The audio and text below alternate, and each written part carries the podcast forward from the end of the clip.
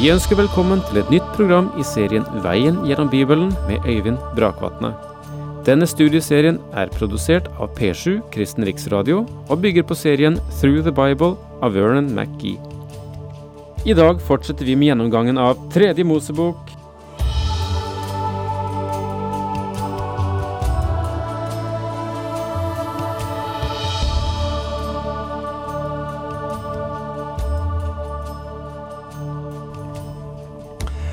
Er du lei av Tredje Mosebok?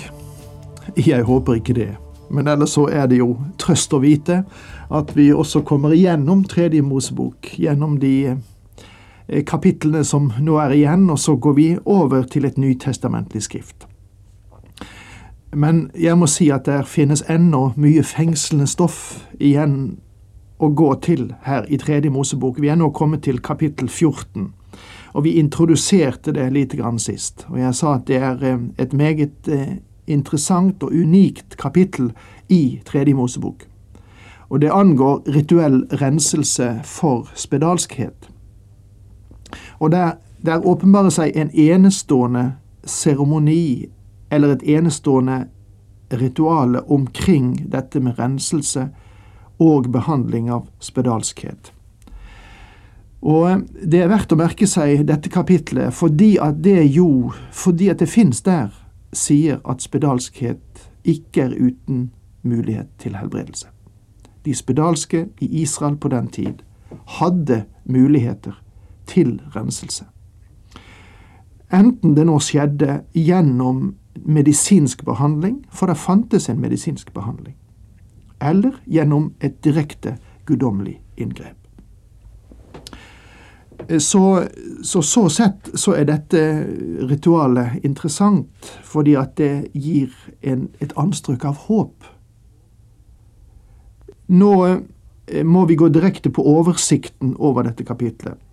Altså, rensing av spedalske dekker kapitlene 13 og 14. Vi har nå gått igjennom kapittel 13, og vi er inne i kapittel 14. Og det faller egentlig i fire hovedavsnitt. Først gjelder det rituell renselse av den spedalske utenfor leiren. Det er de første ni versene. Og deretter fra vers 10 til 32 møter vi rituell renselse av en spedalsk innenfor leiren. Og det tredje hovedavsnitt er rituell renselse av et hus der en spedalsk har oppholdt seg, versene 33 til 53, og så avsluttes det hele med rituell lov angående renselse av spedalske og andre urenheter. Og det er versene 54 til 57.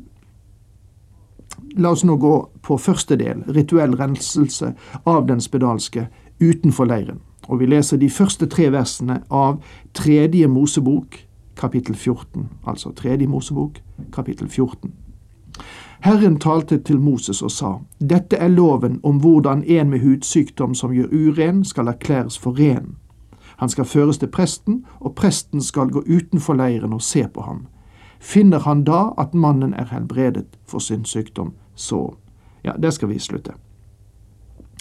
Vi legger merke til at presten ikke skal gå ut for å helbrede den spedalske, men skal gå ut for å se om denne er blitt helbredet. Og det er viktig. Dette er loven om renselse for hudsykdom. Dette var et rituale som skulle følges nøyaktig. Det er en rituell renselse som etterfulgte helbredelse av spedalskhet. Mannen var erklært å være spedalsk av presten. Nå er det også presten som skal erklære ham for renset. Presten må gå ut til den spedalske og møte ham der han er. Den spedalske ville ikke tørre å komme inn i samfunnet blant mennesker, for det hadde han strengt forbud mot. Han var utestrengt. Derfor måtte presten gå til ham. Og eh, den praktiske virkningen av dette møter vi litt av, slik som det er gjengitt i Lukas 17 vers 12. Der står det slik:" Da han skulle gå inn i en landsby, kom ti spedalske mot ham. De ble stående langt unna.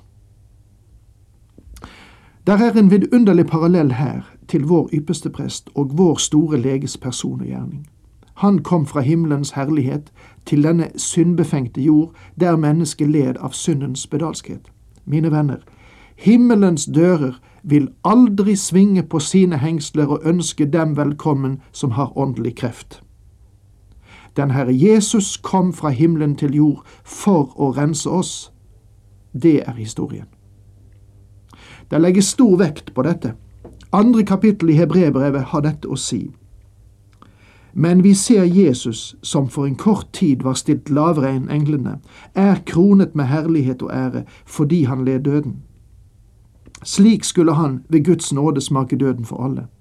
For Gud, som er alle tings grunn og opphav, ville føre mange barn til herlighet. Da måtte han la høvdingen som leder dem til frelsen, nå fullendelsen gjennom lidelser. Og så står det, siden barna er mennesker av kjøtt og blod, måtte også han bli menneske som de. Slik skulle han ved sin død gjøre ende på ham som hersker ved døden, det er djevelen. Det er jo ikke engler han tar seg av, men han tar seg av Abrahams ett. Derfor måtte han i ett og alt bli sine brødre lik, så han kunne være en barmhjertig og trofast øverste prest i tjenesten for Gud og sone folkets synder. Slik står det i Hebreerne 2, vers 9-10, vers 14 og versene 16-17. Han kom fra himmelens herlighet ned til denne jord. Presten hadde kommet til de spedalske. Men i tidens fylde sendte Gud sin sønn, født av en kvinne og født under loven. Han skulle kjøpe dem fri som sto under loven, så vi kunne få barnekår. Dette er det triumferende som Paulus skriver i Galaterbrevets fjerde kapittel, versene fire til fem. Vi må få understreke dette, at fremdeles går han hele veien til en synder for å helbrede syndens plager. Se, jeg står for døren og banker. Om noen hører min røst og åpner døren, da vil jeg gå inn til ham og holde måltid. Jeg med ham og han med meg. Åpenbaringen 3, vers 20. Gud har proklamert at menneskets hjerte er et villnis, og det er derfor også han som må forklare et menneske rent. Han alene kan rense. Og Jesu Kristi, hans sønns blod, renser oss fra all synd, skriver Johannes i sitt første brev, kapittel 1, vers 7. Legg nå merke til hva presten gjorde når han kom til den spedalske.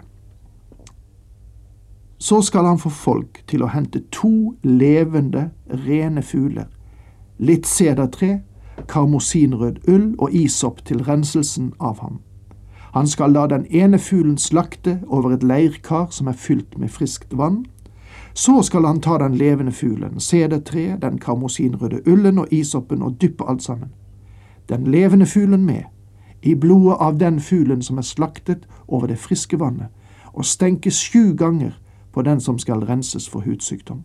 Slik skal han rense ham, så skal han la den levende fuglen fly sin vei. Ja, sa jeg ikke at dette ville komme til å bli en uvanlig seremoni? Merker du det her i disse versene, fire til syv i tredje Mosebok kapittel 14? Jeg tror ikke det er noe, noe sted, så uvanlig som dette ritualet. Alle andre ofre skulle foretas ved tabernaklets alter og senere i tempelet etter Guds forordninger. Dette er et unntak. Den spedalske var utestengt fra tabernaklet, og derfor var det nødvendig for presten å komme til ham.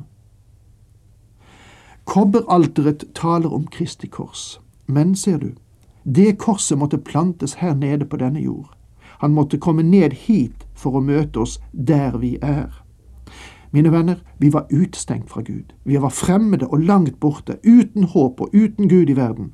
Han måtte komme hit for å møte oss i vår nød og i våre behov. To levende, rene fugler ble brukt under den offerhandlingen. Det var mest sannsynlig duer, selv om det ikke klart sies. Den ene ble drept for å representere Kristi død. Den andre var levende for å representere Kristi oppstandelse. Dette er de to sidene vi har ved evangeliet. Paulus han sier i 1. Korintiabrev, kapittel 15, vers 3-4 slik, For først og fremst overgav jeg dere det jeg selv har tatt imot. Kristus døde for våre synder etter Skriftene, at han ble begravet, og at han sto opp den tredje dag etter Skriftene. To fugler. Død og oppstandelse. Legg også merke til at de brukte sedertre. Dette tror jeg er et symbol på Kristi fullkomne menneskelighet. Treet råtnet ikke. Det tjente den praktiske hensikt å være håndtak på en børste der isopstilken var festet med den karmosinrøde ullen. Jeg tror at det karmosinrøde er et tegn på tro på blodet. Det minner oss om at Rahab ble bedt om å henge ut en karmosinrød eller skarlagensrød snor som tegn på hennes tro. Dette er ting vi kommer tilbake til senere. Isopp er en plante som gror på steingrunn, men på fuktige steder. Det representerer den enkeltes tro. Rens meg fra synd med isopp, og vask meg så jeg blir hviter enn snø. Slik ber David i Salme 51, vers 9. Det er tilegnelse og tillempning av Kristi forsoning det er snakk om. Du skjønner at vi kan stå på sidelinjen og bare nikke og si at vi tror at Jesus døde og sto opp igjen. Og det er ikke frelsende tro. Spørsmålet er om du har tilegnet deg dette personlig. Har du faktisk og reelt festet din tillit til ham? Det er også tillempning av Kristi død og Kristi blod på den synd som finnes i den troendes liv. Men dersom vi vandrer i lyset, skriver Johannes, slik han selv er i lyset, da har vi samfunn med hverandre, og Jesu hans sønns blod renser oss for all synd. 1. Johannes 1, 7. Leirkaret taler om Kristi menneskelighet. Han tok på seg en menneskeskikkelse. Paulus kaller seg selv et leirkar i 2. Korinterbrev, kapittel 4, vers 7. Leirkaret er det legeme som vi har. Vekten er lagt på den menneskelige svakhet og skrøpelighet. For vi har ikke en øverste prest som ikke kan ha medlidenhet med oss i vår svakhet, men en som er prøvet i alt på samme måte som vi, men uten synd. Disse livssalige ordene finner vi i Hebreerne 4, vers 15.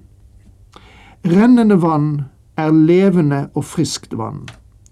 Dette vann ble tatt fra en rennende elv eller en kilde. Dette taler både om Guds ord og Guds ånd. Dette ritualet er både uvanlig og vakkert. En av fuglene ofres over leirkaret, der det friske vannet finnes.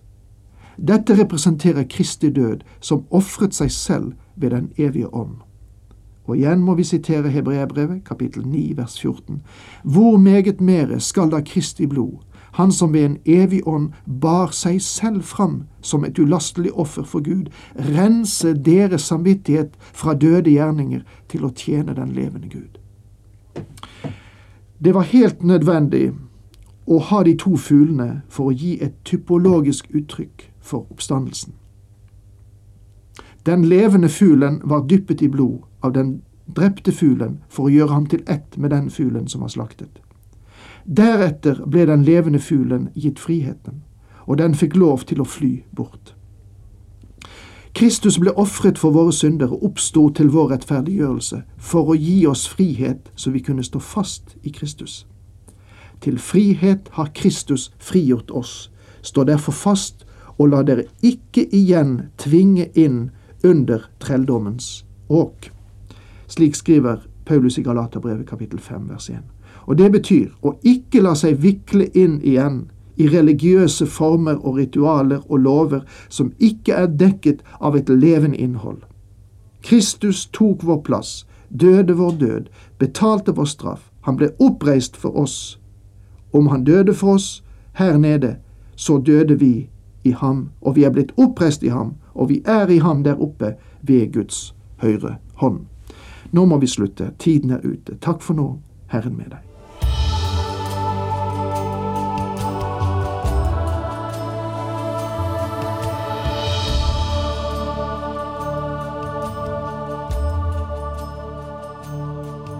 Du hørte Øyvind Brakvatne i studieserien Veien gjennom Bibelen.